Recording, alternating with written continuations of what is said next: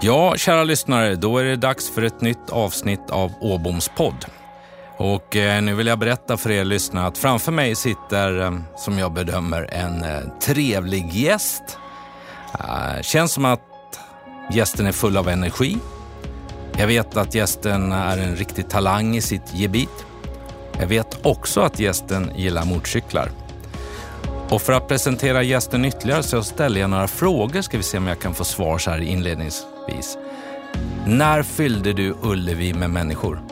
Första gången 2002. När fyllde du Råsunda med människor? Första gången 2002. När invigde du OS i Kina med ett musikstycke? 2008. När blev du första icke-kines som ambassadör för Peking? 2009. Och det utdelades på Skansen och jag var där. Största tv-framträdandet? Det måste ha varit 2007, direktsändning från Förbjudna staden, en stor konsert. Hur många skivor har du gjort? 25 tror jag. Och räknar jag in singlar så är du uppe i 65. Ja, jag tror det. Någonstans där. Kungens medalj, åttonde graden, har tilldelats. Ja, den här podden som ni hör kommer att handla, ehm, det är ju en ledarskapspodd och om kommunikation. Men jag kommer att vinkla den idag utifrån att min gäst i huvudsak inte är bolagsledare, men är en stor ledare kring affärer och musik inom entertainment-segmentet. Han är i grund och botten en riktig entreprenör. Så med de orden säger jag jättevälkommen till dig Robert Wells. Tack. Vad spännande. Jag tycker du sammanfattar mig ganska bra där, vad man håller på med som musiker och faktiskt kapellmästare. Det har jag nog varit mest. Och då måste du vara allt i ett. Det är alltid ett. Ja. Vi kommer tillbaka till den då. Och vi ska väl säga till våra lyssnare att det är inte första gången du och jag ses.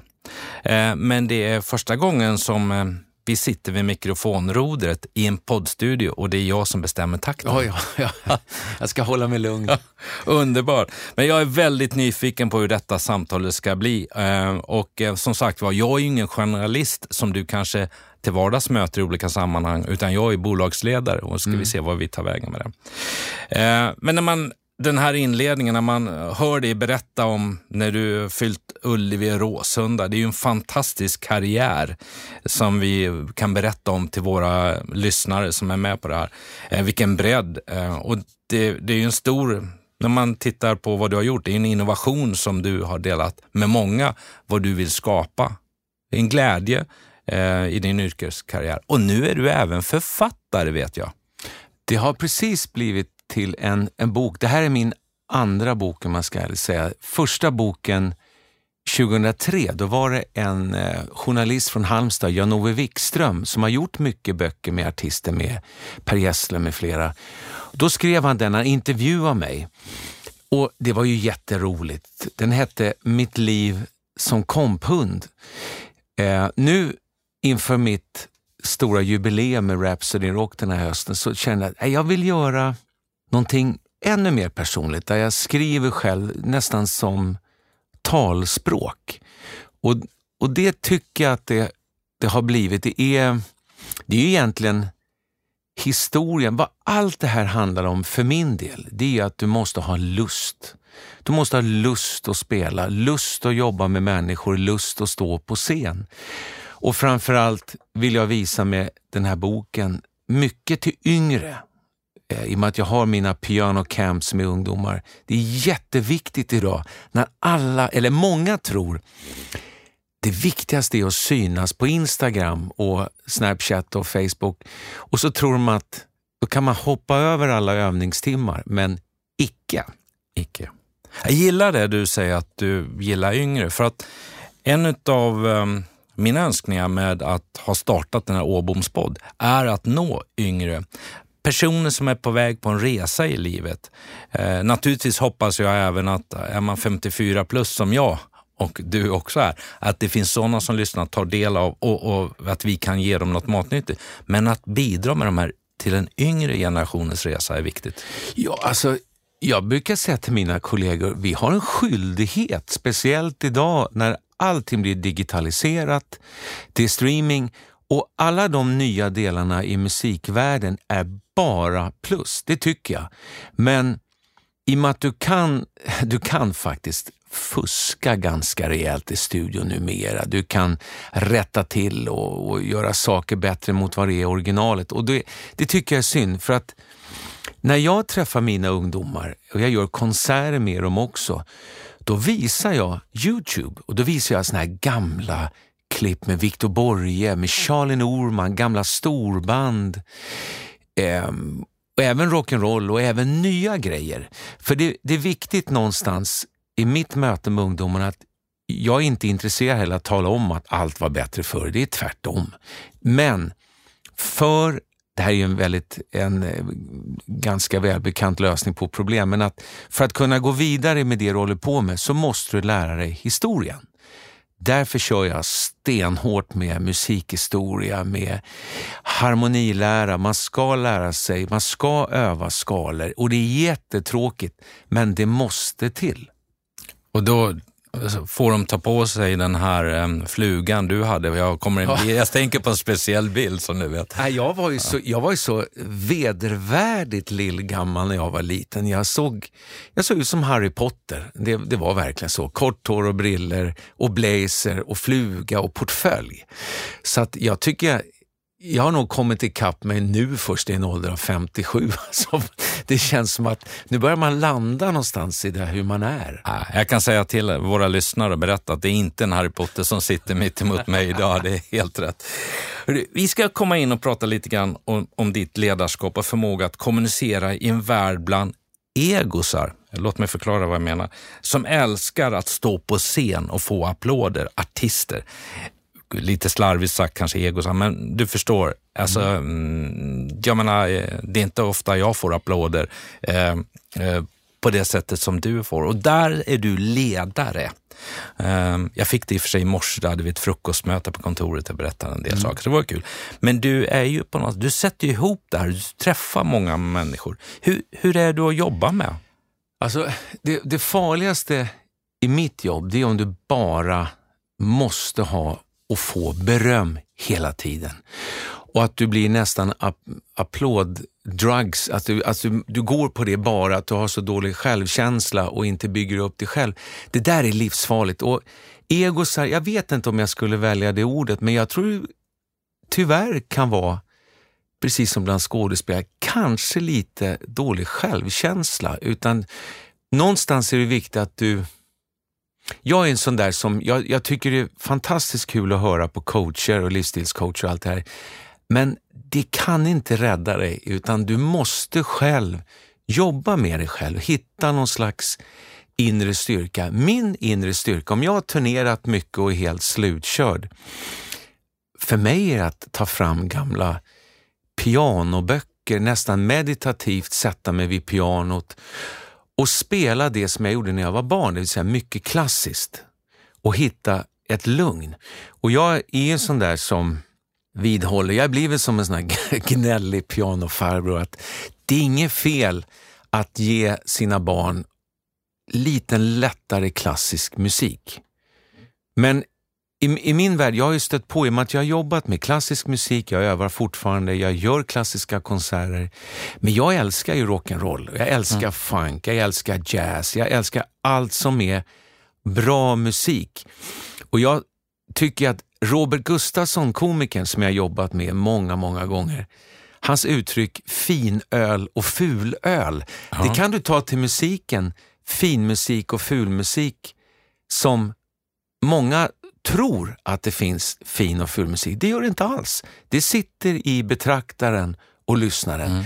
Jag vidhåller att har du ett stort hjärta, då ska du, lyssna, du ska lyssna på vad du vill. Du ska spela vad du vill, men du kan inte spela för att det är strategiskt rätt. Att du sitter vid ett skrivbord och drar upp riktlinjer. Nu, det här är bra. Nu jäklar, nu, nu blir det sån succé. Det faller alltid ner. Utan du måste ha någon sorts form av ärlighet och hjärta och lust i det du gör i musikvärlden. Men är inte det samma, om man säger min värld då, som är bolagsledare, så är det klart om inte jag har hjärtat med, det, det, det blir ju till slut, det genomskådar mitt team, mina medarbetare. Uh, idag är vi 950 medarbetare i i, i vår koncern då, inom såväl Fonus som familjejurist. Och det är klart, de märker ju om jag, när jag pratar om saker, om jag verkligen står bakom det här, om jag tror på det här. När vi pratar värderingar, då, det blir ju genomskinligt om jag inte agerar enligt det. Så att det borde vara samma för dig, men att vi som sitter ner och lyssnar, vi känner om det äkta, vad säger man, kärlek till, till det du gör då. Vi kan ta en, en parallell till eh, det som jag kallar för Rhapsody Rock. I år har vi jubileum. När jag började den idén, då var jag 16 bast. Det fanns ju inte några tankar på varumärke eller branding. Jag blev förbannad på min pianoprofessor. Så började det. För jag tyckte inte hon hade rätt att säga till mig vad som var rätt eller fel. Jag skötte mina klassiska pianolektioner helt fläckfritt. Men jag har ju vuxit upp när jag var tonåring på 70-talet. Jag älskar ju Status Quo, jag älskade ABBA, Elton John och alla de här grupperna. Och då såg jag inte någon anledning, så länge jag skötte mina klassiska lektioner så måste jag för tusan kunna få spela den andra musiken. Där startade Rhapsody. Sen efter många, många år så gick det bra. Men jag menar första turnén med Rhapsody, då kom ju 80 pers. I Sundsvall, om jag kommer ihåg att du har berättat rätt. 80 pers, vi var 67 på scen. Och med alla våra instrument, pukor och valthorn och cell och allting, vi såg, vi såg fler ut än publiken. Det var lite kämpigt på grund av också att jag var ensam ansvarig att ta den ekonomiska risken. Men, men där kommer vi in på liksom ändå dig som chef, ledare, entreprenör, att våga göra det att fronta din orkester eller på 67 personer efteråt, så här, grabbar och tjejer, killar. Det här blir bra, det kommer och så. Hur, hur funkar det där? Hur, vad har du fått modet ifrån att, att göra det här, kliva fram? Och, ja. ja, jag vet. Alltså det, det faller sig naturligt. Jag har inte gått någon skola hur man ska bete sig som ledare, men däremot mina första idoler, man kanske kan gå tillbaka till det. När jag var sju, åtta år och kollade in Hylands hörna och där satt kapellmästarna. Ivan Renliden, Leif Asp med flera. Det är hjältar för mig. Det är, det är de riktiga hjältarna, alltså musikanter. Jag umgås ju inte ens privat med så mycket artister. Jag, jag tycker det är nej, det är inget jag behöver, utan jag älskar mina roddar och musiker. Det är den delen av musikvärlden som också utvecklar en ganska väl. Jag hade tur att jobba flera år, eller det är inte bara tur såklart, men jag fick jobba med Lill-Babs i många år. Med Charlie Norman, med Jerry Williams, med flera, med flera av de här folkkära artisterna som när jag var i 20-årsåldern jobbade jag med dem, då var de runt ja, den här åldern. 50-55. Ja. Och vad man lärde sig av dem. Och här är vi tillbaka det här med hur viktigt att, att du och jag och många andra företagsledare, vad man kan bidra med faktiskt utan pekpinnar och tala om för en ny generation. Man, det finns, okej okay, det är ingen skyldighet egentligen från oss, men man bör göra det. Mm. Man bör göra det. det du, är, du pratar ju om de här som du gärna drar lite närmare dig. Ehm, jag tänker på musikanter som, som jag, vi har träffat, Lasse på bas, Roine på trummor och så. De som du, din trio som du är nära. Om jag hör av mig till dem efter den här och så här, kan inte ni beskriva, eh, jag kommer aldrig berätta det sen, men kan inte ni beskriva hur Robert är som chef? Ring inte dem. Vad skulle de säga? Ja, de skulle säga att jag är ganska envis av mig, men jag tror, hoppas att de ska säga att jag är rak. För det är ett sån här ledstjärna som jag haft genom alla år. En del i min bransch, de är så otroligt fega och det är, de kliar när du träffar dem men sen så huggs det i ryggen. Och, så här. och jag, jag, är så van, det, den här branschen fungerar så, men jag vill inte vara där. Och rak, du ska stå för det du har gjort och framförallt om en föreställning går dåligt, då betalar du av. Du går inte som många gör i konkurs och sätter många underleverantörer i problem. Jag har råkat ut, senast, det är tre år sedan, då gjorde vi en eh, stor turné med, då hade vi Michael Bolton med. Och jag, Ja, just det. Då har vi tre producenter. En av producenterna, han, eh, jag vet inte vad han trodde och tyckte, men han, han stal verkligen pengar. Och ett stort, stort, stort belopp. Två veckor innan premiären. Det var inte helt lätt då, för då visste jag att jag kommer förlora mycket pengar. Men då tänkte jag, ställer jag in, då är det ju hela ensemblen som drabbas. Ja. Alla musikanter, tekniker, rubbet. Så jag körde och det blev dyrt, men jag är glad att jag drog det i hamn. Men där är väl det jag har eh, lärt känna av dig då under alla år. Så trots att du är den eh, väldigt kända person du är i, i Sverige och inte bara i Sverige, andra länder också där du varit, så är du väldigt jordnära. Är det inte? Så har jag fel? Jag upplever att du är det. Och det är ju det viktigaste. Och jag menar, jag, brukar, jag skriver faktiskt där i boken att bara för att du spelar ett instrument bra eller sjunger bra måste du inte bli dum i huvudet. Utan det går faktiskt, jag förstår inte det och det spelar ingen roll om du spelar eller sjunger, det är, vilket jobb du än har, att mästra som en del människor gör och tror att de är för att de har vissa positioner. Finns det något mer osensuellt? Jag tror inte det. Det, det sköna är ju att du är dig själv och min bakgrund är, min min mamma jobbade stenhårt, dubbelarbetande, vilket gjorde att jag bodde hos min mormor. Vi bodde ganska, ja, det var, det var tufft sådär när vi Mm, var små. Men fantastisk uppväxt ändå i Huvudsta, i Solna. Vi var ganska lika många barn vi som växte upp där. Jag hade ju turen då att min morsa betalade alla de här dyra pianolektionerna.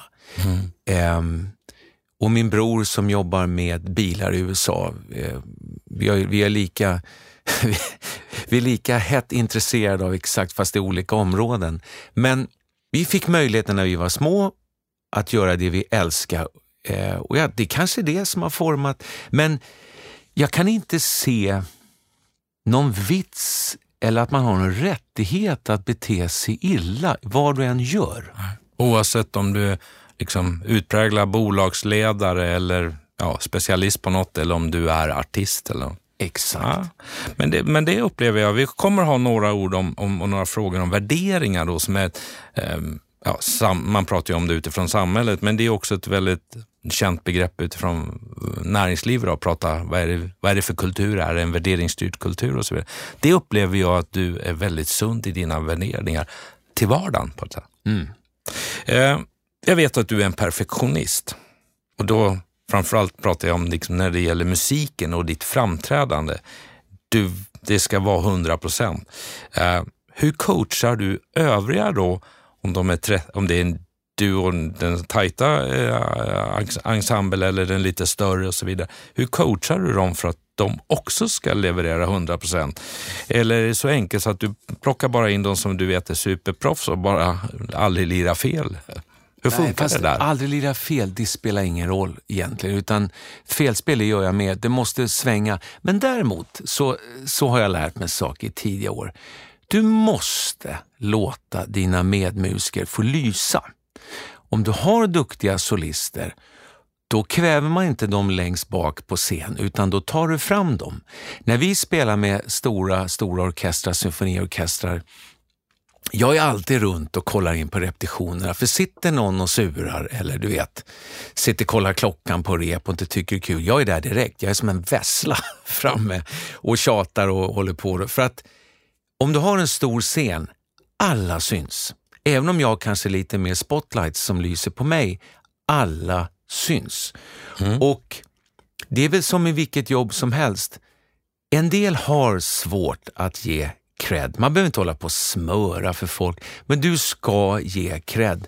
Alla människor oavsett jobb har faktiskt rätt att, att få bli sedda eller åtminstone få uppskattning av de som leder företaget. I mitt fall kapellmästare. Har jag en skitbra gitarrist, då ska han fram. Då, finns, då kan jag hoppa ett av mina solon. Jag vet vad jag kan, jag är inte rädd. Men om du har en rädsla och inte är riktigt säker på det du gör, då kommer de där hämmande varianterna av kapellmästeri. det blir aldrig bra. Det blir inte bra. Nej. Och då är vi tillbaka på det här med den där äkta kärleken och tryggheten som vi pratade om innan.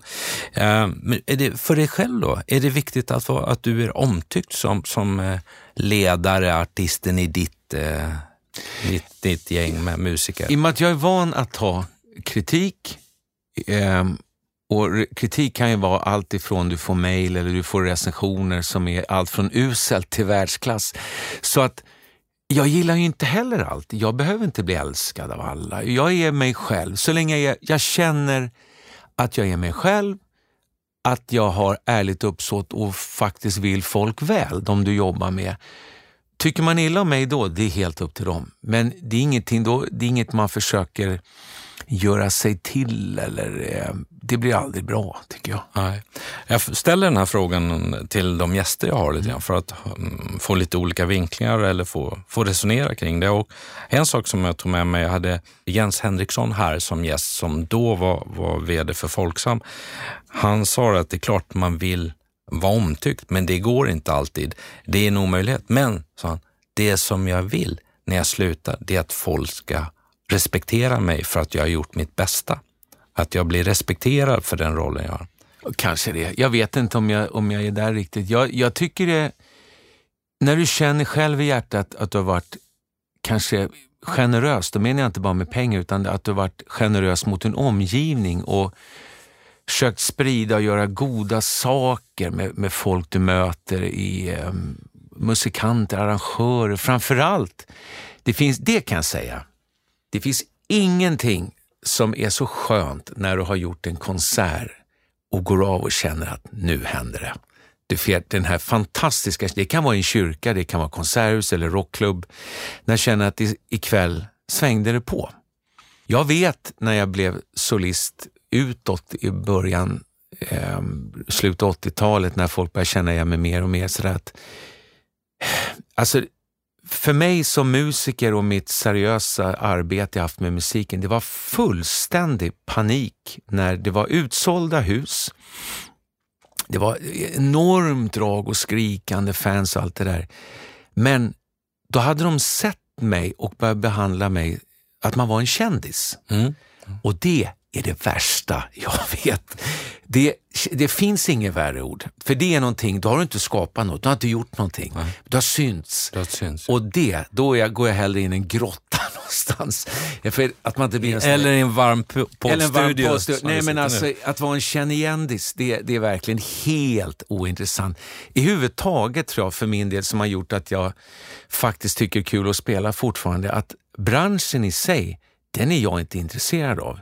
Jag är intresserad av att spela, träffa underbara musikanter, människor, göra roliga projekt och förmedla det där på scenen. Ja. En anekdot då som jag tillåter mig att göra på tal om kändisskap. Jag, det hände för mig eh, för två år sedan, eh, första gången jag var i Kramfors. Kom in, parkerade bilen, aldrig varit där, känner ingen mer än jag ska hälsa på i min Mm, personal som är på kontoret, butiken där, går in i en kiosk innanför köpa Fisherman. När jag kliver innanför dörren så säger de Hallå begravningsentreprenören! och du vet, man hinner tänka rätt mycket på de här. Eh, och jag stannar upp och säger, det är ingen som känner mig här. Det är ingen som vet att jag jobbar för Fonuskoncernen och är ledare där. Vänder mig om och det är en, en som sitter på en rullator och hälsar på alla och han kallar mig för begravningsentreprenör. Eh, det kändisskapet var ju speciellt, men jag förstod det efter att ha varit två timmar i Kramfors. Det var jag begravningsentreprenören och kyrkoherden som hade kostym i Kramfors. Alltså det, du sa väl en inte, chansning. Du sa väl inte vi ses? den, den hade varit jobbig. Ja, den hade varit jobbig. Eh, det, det vågar jag inte säga så här i podden i alla fall. Eh, så vi, vi, vi lägger den, men det var en anekdot för kändisskapet, eh, att vara igenkänd. Men du, skapa publikens applåder mer drivkraft för ditt team än när du samlar dem bakom scenen och ni tittar varandra i ögonen och säger wow, det här, nu gjorde vi något extra, vi bjöd på det här, vilken, vilket, uh, vilken drag vi fick till. Sväng som du säger. Jag, jag skulle vilja vända lite grann på det där. Det finns ju två olika typer av spelningar och det är när man gör de här gigantiska mastodontspelningarna med mycket tv-skärmar och stora, stora produktioner och långtradare. Där är nästan arbetet fram till premiären, det, alltså du har nästan 6-7 månader där du logistikfest, kallar jag det. Mm. Logistikfest? Ja, logistikfest. Det, Okej. Du vill få ihop och sen har du de här mindre spelningarna där du inte skriver låtlistor, där du går upp på scen med trion på en trång pub. Då är det musikfest. Eller i en kyrka. Samma sak där, musikfest. Det är två helt, och de är faktiskt lika sköna båda två, men de är helt olika.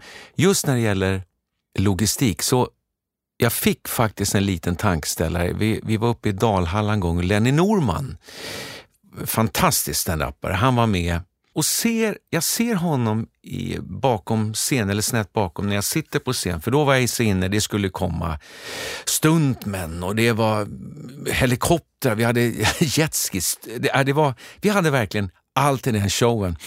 Och jag var jättestressad, för man vill ju att det ska funka. Var det den du gick på vattnet också? Ja. ja. Och, och den, då ser jag hur han står och storskrattar när han tittar på mig. Så säger han efteråt, fan Robban, du ser ut som en jävla lokförare. Du ska få allting att funka. Börja lira. Och det där sattes lite att det är väldigt roligt att ha gjort de här stora showerna, men som nu när vi ska ut igen i höst här, det, det måste få vara musik på riktigt. Och egentligen är det så här, som underhållare, som scenarbetare, så är det faktiskt så här att det spelar ingen roll hur många spotlights, hur många special effects du har. Är du inte närvarande, personligt har ögonkontakt med publiken, då kan du försöka gömma mycket teknik som helst. Men konsten är nu senaste åren att där, även om det är en, en symfoni, var där, skapa intim atmosfär fast det ser stort ut. Okej. Skapa en intim atmosfär fast det ser stort ut. Mm. Ja. Det är om du kanske talar inför massor med folk som du ska tala inför. Ja. Att skapa att de alla i lokalen känner sig närvarande, att du bryr dig om alla. Ja, jag förstår det. Det där eh, som, Char- eh, inte Charlie, men, men väl son Lenny sa då, eh, lokförare börjar lira. Så. Det kan man väl översätta lite grann till, till oss bolagsledare att, och det vi kan rekommendera de som lyssnar nu då, alltså att håll inte på bara med dina tekniska eh, tankar, strategiska tankar, skriv affärsplanens stora kompendium. Glöm inte engagemanget, glöm inte det visionära, glöm inte att förmedla det så att du får med dig de andra, det de Ja. börjar lira. Låt det här liksom vara lite tryggare, bara njut av det. Entusiasmera. Det är det. Måste få folk att, att vilja göra, alltså att låta folk växa omkring det så att alla har det där målet. ja. Och det, det, finns, det finns så mycket liknelser. Det som jag tänker när man pratar idrott till exempel. I musik idag så är det många som tror att det är piece of cake att åka turné eller att äh, du ska bara komma hit och lira två låtar. Oh, men jag har preparerat till 50 bast för att lira de där två Ja. låtarna. I idrott är det så här, håller du inte måttet, då åker du upp på avbytarbänken Yes. eller blir utvisad om du beter dig illa. Det finns, att ibland så önskar jag att den fanns i underhållningsbranschen, att det går inte att fuska. Du kan fuska en turné, men det syns ju på dig. Om. Tränar du mycket? Om? Mycket. Du tränar mycket? Speciellt, jag gjorde en, en konsert i Rikssalen, slottet förra veckan och då var det helt akustiskt. Då hade jag med mig en av mina elever, eh, 18-åriga Alice Power och då gjorde vi två flyglar och då är, då är det verkligen repa innan. Det är många timmar som... Men övandet gör ju... Jag vill gå tillbaka när man pratar om perfektion. Perfektion ska du ha i ditt övande, men ju mer du övar, desto bättre blir det ju på scen. Då kan du slappna av. Vad består din vardag av? Um, och då tänker jag på den det vi pratar om nu är ju så att säga där, vi var inne på övande, men vi pratade om att de här uppträdandena, de här konserterna på olika sätt, små som stora. Men det gör man ju inte eh, två om dagen så att säga. Vad består din vardag av för att vara en bra artist men också vara en bra ledare för ditt team? Vad gör du? Alltså, det var en jättebra fråga. Jag gör inget speciellt. Jag, jag är en... Jag åker ju gärna motorcykel eller att man tar någonting som kopplar av eller ut och joggar eller... Men, men jag har en, en lyx som jag har i och med att jag är egen företagare, att jag kan välja mina tider. För mig är förmiddagen helig. Då är det kaffe, övning och någon fysisk träning, kanske gym eller något. Så jag brukar försöka inte ta några möten innan lunch egentligen. Och för, för den, den, när du är som mest lugn, huvudet är alldeles fräscht när du vaknar, det är bästa tiden att öva på flygen. Kan säga att den, den vardagen skiljer sig lite mot ja. Eh, min vardag och kring det. Men borde det inte vara straff på att ingen borde behöva jobba före nio på morgonen? jag hoppas att ingen av, av mina medarbetare... Nej, jag skojar. Uh, ja, ibland undrar man väl. Men så är det. Och jag vet när vi lunchar någon gång så, så kan vi synas halv tolv. Nej, det blir ju snarare åt ett istället. så, att så är det ju, helt klart. Men det blir ju sena timmar istället för mig. Om ja, det förstår jag. Det, det, du reser ju... Du är när man du är där, du är där, du är där. Det är liksom det är sena flyg hem eller bilturer. Och... Ja. Allt, konsten är ju att hålla igen på partajandet och framförallt inte göra så konstigt utav det. Det blir faktiskt så här, jag har rest så pass många år. Folk kan sitta i bilkön några timmar, jag sitter på plan istället. Men, men eh, vardagen är ju där den är så att säga. Och, men om man ser nöjesbranschen och gör de här resorna och tar emot allt som du bjuds på, då håller du inte så länge kan jag säga. Ja. Och jag bestämde mig tidigt, jag minns när min farsa kom hem till mig och brorsan när vi var små och, och rökte John Silver utan filter och jag minns den där som en rutten lägereldslukt. Då bestämde jag mig, aldrig röka, jag har aldrig smakat en cigarett. Charlie Norman försökte lära mig att dricka whisky och det, det sprack. Det sprack, okay. Nej, men jag, jag är och jag är sådär, jag är verkligen ingen att jag ska tala om för folk och det och det är farligt. Jag tycker bara inte om det. Nej. Det är bara där. Ja. Och jag har väldigt svårt som människa överhuvudtaget, eh, det kommer väl tillbaka till det här med mästrandet, att man eh, det är, för, det är, lite för mycket pekpinnar och regler. Låt folk tänka själv istället. Ta det, det egna ansvaret. Ja. Lite sunt förnuft. Absolut. Bollkänsla med tillvaron. Mm bollkänsla med tillvaron. Ja. Men hur, hur är du då? Men jag måste ändå förstå, när du står där inför eh, hela Rhapsody-ensemblen, och det är ju en fantastisk framgångssaga, Rhapsody in Rock, det måste vi säga. Jag har ju varit på rätt många på olika ställen. Eh, jag var på den i Dalhalla, jag var faktiskt på, på Skansen när du fick medaljen från, från, från Kinas ambassadör och så vidare. Frågan är om du köpte din biljett eller om du fick den? ja, det eh, har jag inget minne av. kan vi ta sen. Vi kan ta det sen ja. efter podden. Men hur är du när du är hur, hur, Vad gör du för att, att liksom peppa alla, motivera alla och ja, förbereda dem? men bara jag får lite lugn precis innan man ska in på scen. För att vart det än är, hur stort eller litet, jag är alltid lite nervös innan jag ska in på scen. I alla väder, och det är bra. För utan den nervositeten, då är det ingen koncentration. Utan det, det är bra. Och jag tror att det där kanske man är lite så här adrenalinbehov, behövande. Att man känner den här spänningen. För att det kanske är det som driver det någonstans när man sitter och övar alla timmar och sitter i replokalen. Den där stunden när du är på scenen och känner bandet, känner förväntan, även om det är stort eller litet, den är häftig. Den är häftig. Ja. Men det och, och jag, jag, kan ju, jag kan säga så här, jag är så tacksam och lycklig att min mor betalar de här pianolektionerna, för jag, det här vet jag med alla mina äldre kollegor. Ta en sån som Janne Schaffer, 74 år, som jobbar hur mycket som helst. Det är ingen av oss musikanter än som tänker på att gå i pension. Den är lite intressant, för den, om du kommer ihåg vid en av MC-turerna så pratade jag med dig om det. Tror jag. Men pensionsåldern i Sverige 65, en del kan gå vid 63, vi får jobba till 67. Liksom, ja, sen vill man koppla av och, och så frågar när ska du gå i pension? Och du bara, vadå, vad är det för något? eh, och så snackar vi om det, för det är som ni säger, du pratar om Janne Schaffer 74, så, det, det finns inte på något sätt utan Nej. Ni lirar tills vi kommer och häm ja, men hämtar 65 och 67, det är ju teenagers i, i musikvärlden numera. När jag var 28 år, då fyllde Charlie Norman precis 70. Då började vi jobba och vi jobbade nästan 14 år. Wow, Ja. var han 70 när ni började? Ja, och grejen är att i musikens värld, så jag kan ju själv lyssna på egna inspelningar för 30 år sedan. Det är ju, jag kan säga själv, jag är mycket mer stolt och nöjd över det jag gör idag för att på något sätt så mognar du som människa och, och det sätter sig i spelet på ett bättre sätt. Du, du får lite, lite coolare, lite mer laid back, lite ja, mer flyt i spelet. Och sen, Charlie var ju på mig ofta och, och sa att det är pauserna som gör musiken och det är ju helt rätt. Att lära sig lyssna in alla och, och, och jag tror att jag njuter mycket mer nu av spelningar. Förr var man såhär, och vilken turnélista, åh vad stressigt, det här, hur ska det här gå? Och så var det redan slut efter första spelningen.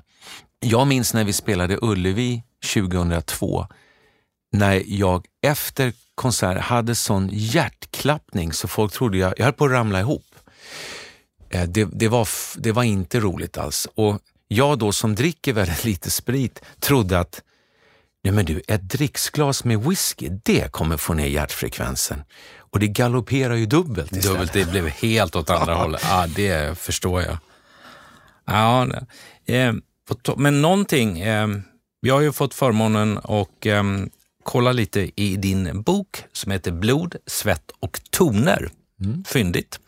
Eh, där står det, och då tänker jag, den där pulsen måste ha höjts och det skulle det ha gjort för mig som bolagsledare om det sitter en, en full arena, eller arena var inte men på ett ställe där helt plötsligt så börjar pianot lägga av, mikrofonerna börjar och strömmen håller på att ta slut från dieselbilens aggregat. Då kan man inte vara helt cool som ledare. Nej, inte helt cool, men man har varit med om så mycket såna här konstigheter. Det enda är att det, problemet i det fallet var att jag fick stå och skrika till slut till publiken för i och med att inte ens mikrofonerna hördes och, och strömmen gick. Det här var i Varberg, det var vid fästningshörnan där, så vi hade stora, stora premiären. Och vi hade ingen lösning på problemet tills det kommer en liten farbror fram och säger jag har jobbat här, det, det finns ett elskåp på muren som ni kan bryta upp. och roddarna springer fram med kofötter och allting och bara öppnar och drar ut och kopplar in ledningar. Så efter tio minuter så var vi igång. Men på kvällen så gick jag igenom min mailbox. Det här hände 2020, vi hade precis kommit igång. 2023 så hade jag fått ett mail från två upprörda i publiken som ville ha pengarna tillbaka för strömmen hade gått. Fantastiskt, är det sant? Har de satt med sin iPhone och mejlade från publiken. Ah, ja, underbart. På tal om det, jag har ju, eh, jag var i förra veckan i en, en dag i Danmark för ett nordiskt möte om en beredskapsplan eh, som vi har i nordiskt samarbete. Eh, jag tänker på sådana här tragiska händelser som, som eh, tsunamin, Utöja och så vidare. som vi har. Eh, och därför har ju vi naturligtvis krisplaner och sådana skrivna. Eh, har man krisplan i din bransch också? Jag vet inga. Jag har aldrig hört. Jag har, det finns, I min bransch är det också ganska kul. Man, man kan bli lätt förbannad när man läser kvällstidningar ibland så står det om vd, eh, såna här avgångsvederlag, fallskärmar, trygghet och allt det här. Det finns inte i nöjesbranschen. Så egentligen borde man kanske tidigt bara tänkt något annat, men sen är det det här lust. Ja, det är faktiskt, jag kan inte tänka mig något annat. Jag kan inte tänka mig, även om jag kanske skulle ha råd att ta det lugnt sen, men jag har det bästa, bästa kommentaren. Jag jobbade för två veckor sedan med Charlie McCoy, en legend i countrysammanhang. Han spelar med Elvis Presley, med eh, Bob Dylan, med Eric Clapton, alla en munspelare. Han är 78. Och jag frågar honom, men på riktigt, varför turnerar du så här mycket? Well, Robert, this is who I am. Han brydde sig inte om pengar, han ville bara spela. Och jag tror någonstans, hur mycket kan du köpa i bilar? Hur mycket kan du köpa i prylar? Till slut då, du måste ju ha något kul, du måste ju ha något intellektuellt som driver dig framåt. Ja. Ja, jag förstår det. Men det, och där ser jag ju, för jag har ju liksom när jag suttit ner och förberett, alltså jämför man liksom hur är det liksom att vara ledare eller varumärke i artistbranschen kontra då att vara eh, ledare så säga, för ett bolag, man står, hur man tänker liksom, ja, 54 plus och 10 år kvar till pension. De orden har ju inte du, de tankarna finns ju inte där. Men, men, men samtidigt så är ju du född med en talang, en begåvning och så har du lagt på en oerhört stor portion av, av drivkraft och inspiration för att göra det här. Ja, talang och begåvning, ja det kanske jo, jag har. Men det måste men, du hålla men, med om. Men jag gillar det Ingmar Stenmark sa. Eh, vad var det någon sagt till honom? Ja, du, har sån, du har haft sån tur. Ja, ju mer jag övar, desto mer tur har Just jag. Ja, Älskar det. Ja, det är fantastiskt. Men det är ju liksom, det finns ju, det är ju otroligt få som har, liksom, som du sa, i Kina, tv-produktionen, eh, Royal Albert Hall, eh, fyllt Ullevi, fyllt, fyllt gamla Råsunda. Ja, eh, det är ju få som har gjort det på det sättet. Mm. Men vet du, en del av det, ingrediens, det är det jag försöker tala om för mina pianostudenter. Och det är att hårt arbete, det finns inget annat i musikens värld. Det finns inte ens en tillstymmelse till något som kan kallas genväg. Jag tänker på han, en, en kille som är med i America's Got Talent, en svensken, Chris Clefford. Och det, han har kommit Han med fram, skägget Ja, just det. Han med kom fram idag. Men han har ju då själv slitit flera, flera år i pubbar och barer.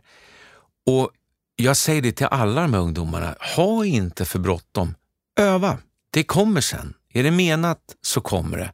Men hoppa inte över de här ungdomsåren och öva. Utan, så att, och jag tror att så här, när jag är i mina läger, jag är så jag är så lite curlande och gullande med mina ungdomar. Jag är väldigt rak. Väldigt, det är hård disciplin, det är 8-9 timmar om dagen, men de kommer tillbaka.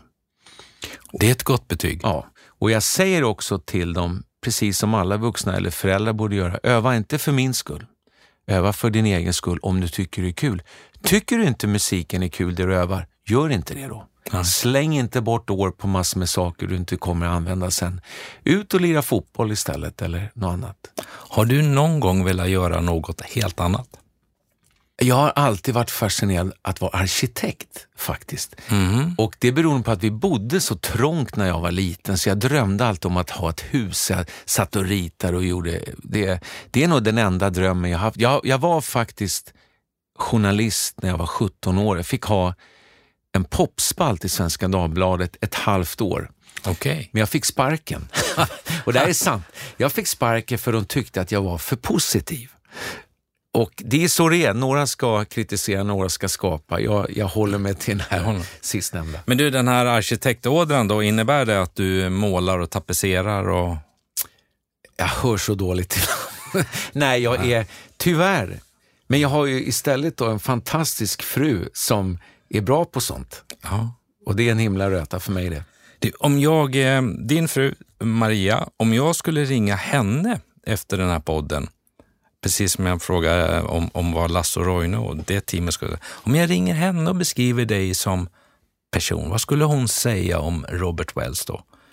Inte det där liksom, kanske interna familjen, men ändå att vara det, för ni jobbar ihop. Ja. Ni har ett entreprenörskap ihop, eh, böcker, eh, skivor, och, hon är med och sjunger och, är en artist hos dig. Ja.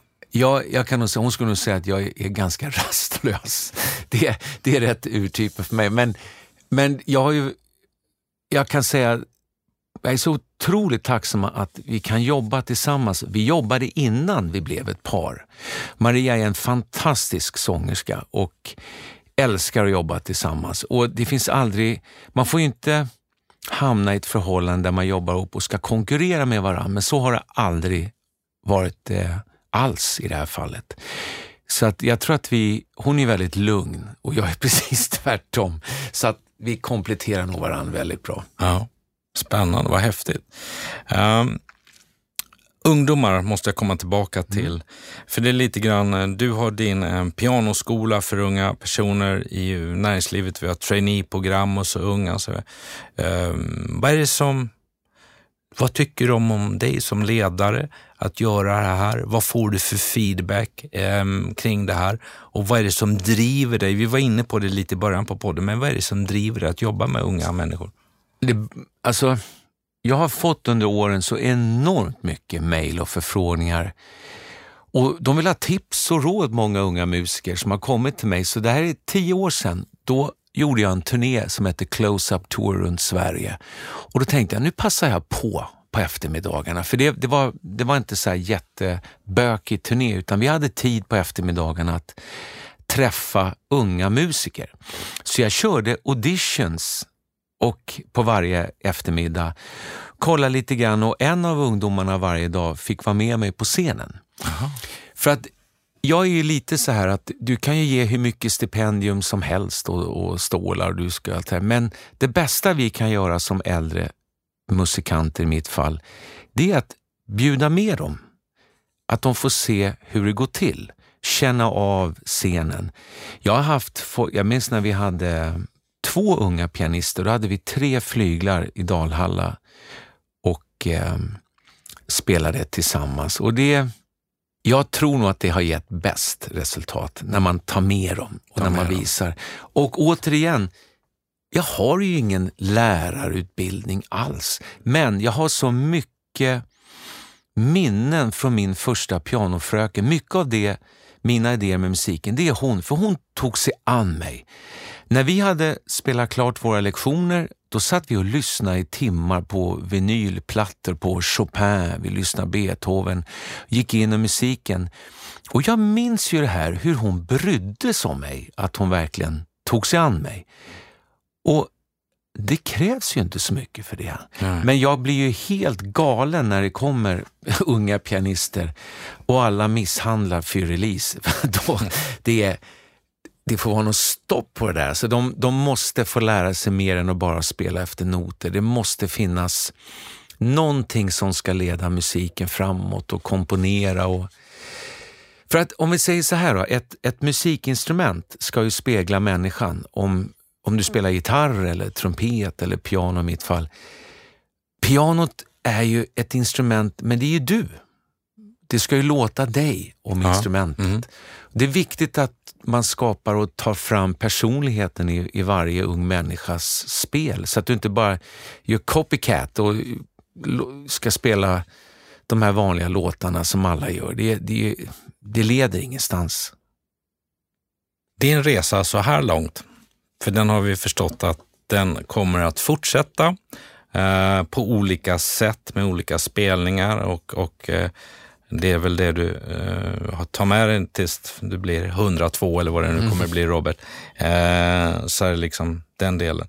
Finns det någon, utöver du pratar om den här lä läraren då som liksom såg dig och såg ditt behov, finns det någon också som där du har raka motsatsen, liksom de, som du har liksom blivit besviken på, nu ska vi inte prata om personer och namn, men som du har också då vänt om till en, en där du istället har fått energi eller vet vad du inte ska göra under livet, där du har liksom lite ja, tråkiga upplevelser som har format dig eller säger nej, jag har hanterat det. Det där tillhör vardagen bara ibland. Jag, jag har sett så mycket konstigheter på turné och man har upplevt människor, men man behöver inte umgås med dem. Det är det. Alltså man, du har ju ett val. Mm. Och att ha med en framgångsrik artist i ett projekt bara för att det är en framgångsrik artist och det är dumhuvud bakom scenen, det, det finns inte det i min värld. Nej, nej, nej. nej. Och det ska ingen göra. Man ska inte... Jag hör så många som jobbar med andra yrken. Åh, det är så jobbigt och chefen är så dum. Men byt jobb. Slösa inte bort dagar, månader på folk du inte gillar, även om det blir tufft några månader. Men använd din energi till bra saker. Ja, det finns alldeles för många energitjuvar, det gör det i min bransch, i alla, alla branscher. Men man ska inte... För det blir också en liten sån här falsk trygghet att ja, det är lätt att gå och klaga. Men du ska göra något åt det också. Mm. Mm. En utav um, ja, en utav många duktiga föreläsare i Sverige um, just nu, till exempel som är väldigt anlitad. Christer Olsson, han brukar säga, när jag träffat honom några gånger, så han, att ehm, vet du om vart du är på väg och vill du dit? Det är lite som det är byta jobb. Nej, det är så klokt. Ja. Och jag tror att vi är många som, som, och det kan vi väl skicka med till lyssnarna, att, att tänka på det, att inte sitta fast, utan faktiskt, det, det är du själv som är ansvarig för att dra ur den berömda tummen som du sa, byt jobb, gör någonting. Livet är för kort Och livet har ju så otroligt mycket möjligheter om vi bara öppnar ögonen. Ja, och en grej till. Du pratar om Christer Olsson, jätteduktig. Det finns många, Olof Rölander, flera som jag verkligen högaktar. Men de kan inte lösa dina problem till 100 procent. Du måste jobba hela tiden själv med din inre styrka. Också, för det går inte att förlita sig att någon annan ska lösa dem. Nej. Det är samma sak i min bransch att sitta på en stol och vänta på att det ska ringa. Det har aldrig funkat. Är man en gång frilans, då är man alltid frilans. Ja. Ja, men så. Och en utav dem, en, en, du nämnde Olof som jag också då, ehm, har träffat. jag har i många år jobbat med en person som heter Jack Silving som nu har, har, eh, han har gått in i det här berömda med pension och så vidare. Ja. lite grann. Alltså. Men han var fantastiskt duktig på, med, med sitt eh, koncept kring kommunikationsprofiler. Och då sa Jack, han lärde mig, för vi har känt varandra i 25 år, typ, han lärde mig, kan du påverka det? Du vet, man hade något Mm. problem och så här, nej, nej, varför lägger du din energi på det då? Exakt. Han var sådär. Det där har jag haft med mig och eh, när man har suttit hemma med mina två barn, Simon och Rebecka, och man har pratat, du vet skolan och utmaningar, så jag liksom, och den fröken eller den magistern, så här, "Ah, men kan du påverka? Nej, varför lägger du energi? Och du vet, ja, men det har varit, jag har Mm. nött det med dem för att fokusera på möjligheterna istället. Jag tror att det skulle det är kunna alltid skicka så. med. Det är alltid så. Och ja, men du måste se, i och med att den här branschen bjuder på så mycket överraskningar, ups and downs hela tiden. Det gäller ju att hitta möjligheter. Ja. ja, det gör ju det. Och, och återigen, alltså det Ser du någon skillnad nu då? Nu, jag menar, ehm, du var lite yngre när jag i boken ser när du skulle kliva ombord på det planet som de hade stripat med Ja, just det. Ja. Alltså, Ser du skillnad på det? Ja, alltså, det blir ju faktiskt så och det, det tycker jag är positivt till 100 procent. Ju mer du får jobba, desto mer folk du möter, desto mer upplevelser. Jag tycker, när, man, när du hamnar i, inte helt inre lugn, men någonstans att det går åt rätt håll, det blir roligare att jobba nu. Och det är roligare att sitta och prata och kommunicera och hitta på idéer med folk. och så här. Jag, jag är... Jag förstår. Men, men kan inte vi, vi vanliga dödliga bli lite avundsjuka på en sån som dig? Eh, jag tittade i boken, eh, slog upp här, liksom, här är Albert Lee. Du har ju, alltså när man tittar på de här alla du har träffat, lirat med, här sitter kinesiska muren, det är ju magiskt mycket. Men att man har fått spela med de här, kan, det vet jag beror på att dels att jag, och inte bara, utan bandet, vi håller alltid att du ska ha hög kvalitet. Det ska vara en, en hög lägstanivå hela tiden.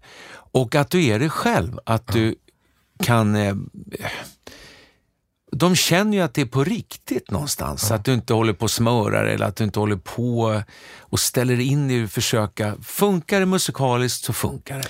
Men du verkar ju vara fantastisk på att nätverka. För nätverka är en av liksom framgångsfaktorerna idag att vara ledare. Att du måste vara duktig på att nätverka, du måste vara ödmjuk på det. Gilla att träffa människor. Här, till så här, jag menar, ehm, Billy Dean, en, en eh, stor countrystjärna på USA. eh, här har du Charlie McCoy. Så helt plötsligt så vet jag att ja, men då åker du ut i garage och lirar med, med eh, Naples Old Dixieland Band. Dixieland Band. Jag menar, hur går det här ihop? Men det här är också kul, den, när du hamnar i de här jam-situationerna. Som mu- musikant, det är bland det roligaste du kan göra när det, blir, när det bara händer. Och Jag vet att jag var i Naples, Florida på ett café och då sitter en gammal farbror och spelade grym honky tonk piano. Så jag, jag kunde inte hålla mig, jag sa jag måste få säga Oj vad du lirar bra, det här är bara underbar ragtime. Ah, tyckte du, sa han. Jag har jam här på tisdagar när mitt garage kom. Så att jag sänkte medelåldern kan jag säga. De, de flesta var nog 80 till 93 tror jag som spelar. Många av dem hade spelat med Ray Charles och, och spelar tuba, jag tror det är tre banjokillar, fem trumpeter, tromboner och så är det Dixieland. Och då har de en sån här stor, stor bok, tjock notbok. Och så ropar han well, 116 och så får man öppna 116. Då är det Basin Street Blues eller Sweet Georgia Brown. Det är som att hamna i himlen. Alltså det, det är fantastiskt som musikant.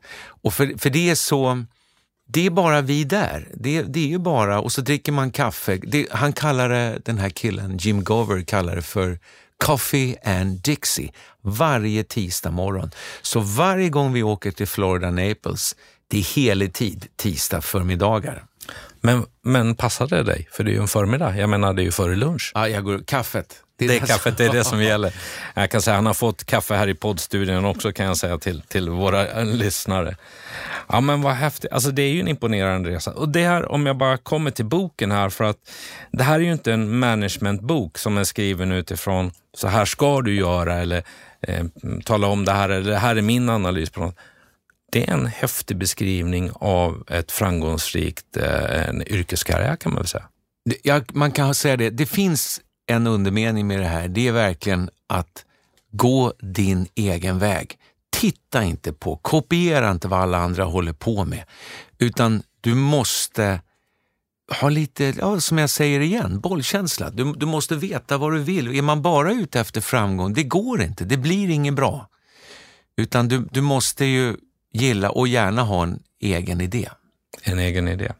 Du pratade ju om Dalhalla innan och eh, jag var där och nu råkade jag eh, då på sidan 140 slå upp det i boken och då kom jag ju osökt in, frånsett din bild med Robin Hood-hatten där, så kom jag osökt in på den där eh, dykarna där uppe. Alltså var det din idé? Har du provdyket? Nej, men det var min idé. Det var din jag, idé? Ja, men jag är egentligen Alltså mycket av det som jag har gjort i vuxen ålder, det är mina pojkdrömmar. Bara här som att ha tagit eget flygplan stripat med en bild på mig själv. Det var ju att jag såg en artist som hade det på 70-talet, John Miles, som hade det på ett skivomslag. Eh, eller det är mycket, bara den här grejen att göra Robin Hood, eller Robert Hood, så vi gjorde hela föreställningen med mm. hästar och stuntmän. Och det är att skapa en en väldigt, väldigt familjär föreställning och en ursäkt för att få spela i tre timmar. och, och, låta oss övriga gå dit och köpa biljetter. Ja, alltså få mötas och göra, för det, det, vi gjorde då med den föreställningen, det har ingen annan gjort, det Nej. vet jag. Nej. Och vi byggde ju en, en scen som var som, en, en, som Marstrands fästning nästan i Dalhalla, som eh, ja, det kostar ju mindre villa. Och om jag då bara skulle ha tänkt på ekonomi och bara allt det där, då hade jag ju aldrig gjort så. Nej. Men det är inte bara därför, jag vill ju ha en upplevelse själv när jag går på scenen. Jag vill njuta lika mycket som publiken. Ja. Kommer vi få se något mer av den eh, kreativiteten där du skapar något eh, våghalsigt projekt på det här sättet? Jag ska åka skridsko på tangenterna. Nej, men vi ska göra en... Jag och Anders Berglund ska äntligen få mötas igen för en turné. Vi har inte turnerat på riktigt sedan 2003. Så nu i höst så gör vi Rhapsody Rock som jag ville att det skulle vara från början. Symfoniorkester, vi har många härliga gäster, bland annat Johnny Logan. Men just att, att Berglund och jag får göra musik på det här sättet. För han driver också, han gillar också det här, att göra, jobba på det här sättet. Ja. Häftigt. Robert, en eh, timme går väldigt fort. Mm. Vi börjar att närma oss det faktiskt, vårt samtal. Det har varit oerhört intressant att få sitta ner och resonera på det här sättet tillsammans med dig och bjuda våra lyssnare eh, till podden på ett samtal som kanske inte är likt riktigt de andra då, det har varit mycket mer eh, med, med bolagsledare. Här har vi mixat i din resa. Jag, jag flikar in med en grej ja. när man pratar just det här eh, på samtal på ett, ett annorlunda sätt.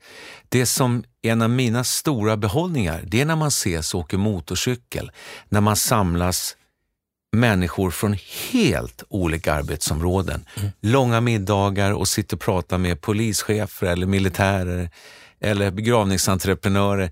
Det är utvecklar ju mig som människa. Ja. Skulle jag bara träffa insnöade musiker och det bara blir turnéstories, det, det, är inte så bra faktiskt. Nej, jag förstår. Och jag tänker inte ställa frågan i podden vem utav de där som du har, tycker är trevligast att, att uh, sitta ner och samtala med på kvällarna på Nu åker Polischefen. ja, tack, tack för den Robert.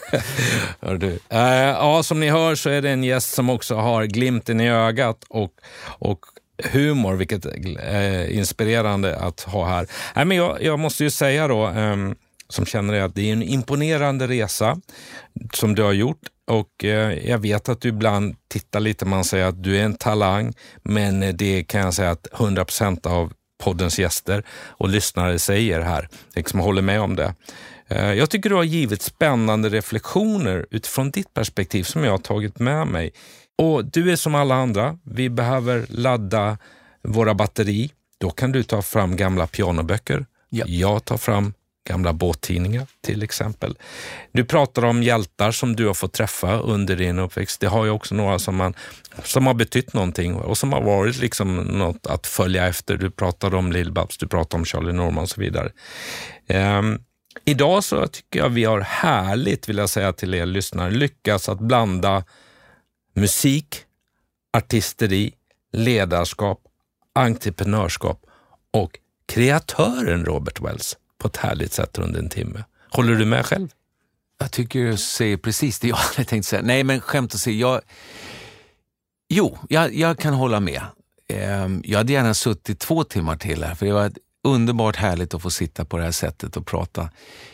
Um, det är inget som säger att vi inte tar en omgång två framöver igen och träffas. Ja, det vore kul. Få höra, få höra hur till exempel hur höstens eh, Rhapsody in Rock har gått ihop ja. med Berglund.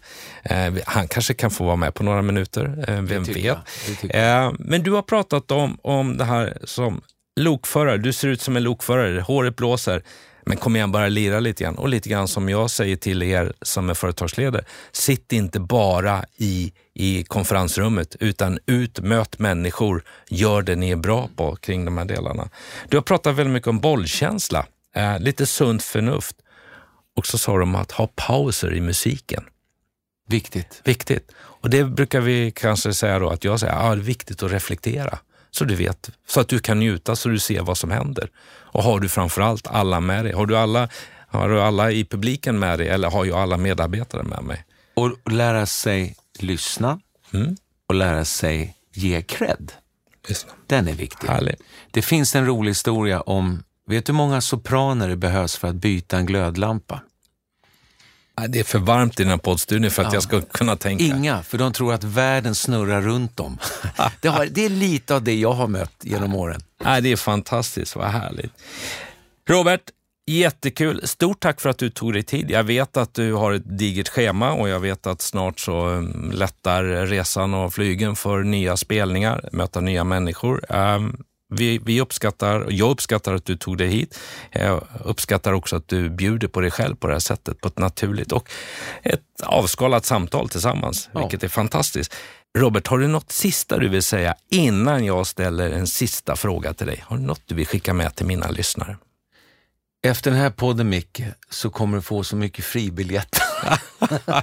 Underbart! Ni hörde det, jag har många vittnen på det. Jag uppskattar det verkligen. Mycket. Jag önskar dig allt gott. Eh, hälsa hem till Maria naturligtvis i det här med Sista som vi gör, ja. kära lyssnare, det är att vi brukar avsluta med gästens favoritmusik, en låt.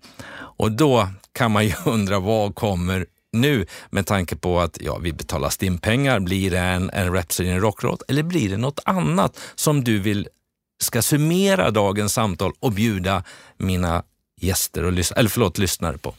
Jag har faktiskt, nu, nu tänker jag även involvera dig lite grann, för nu tänkte jag prata om Route 66. Okay. När vi spelade in skivan i Memphis i Sun Studio för två år sedan med Charlie McCoy som jag nämnt, mm.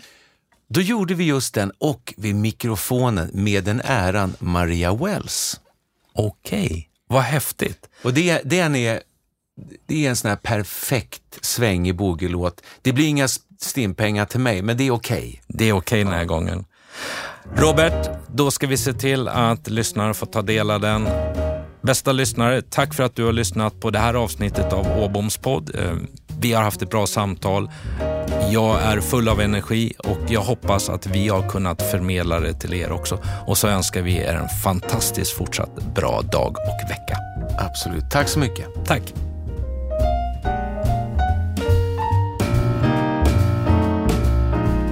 you ever plan a motor west? Travel my way, take the highway, that's the best.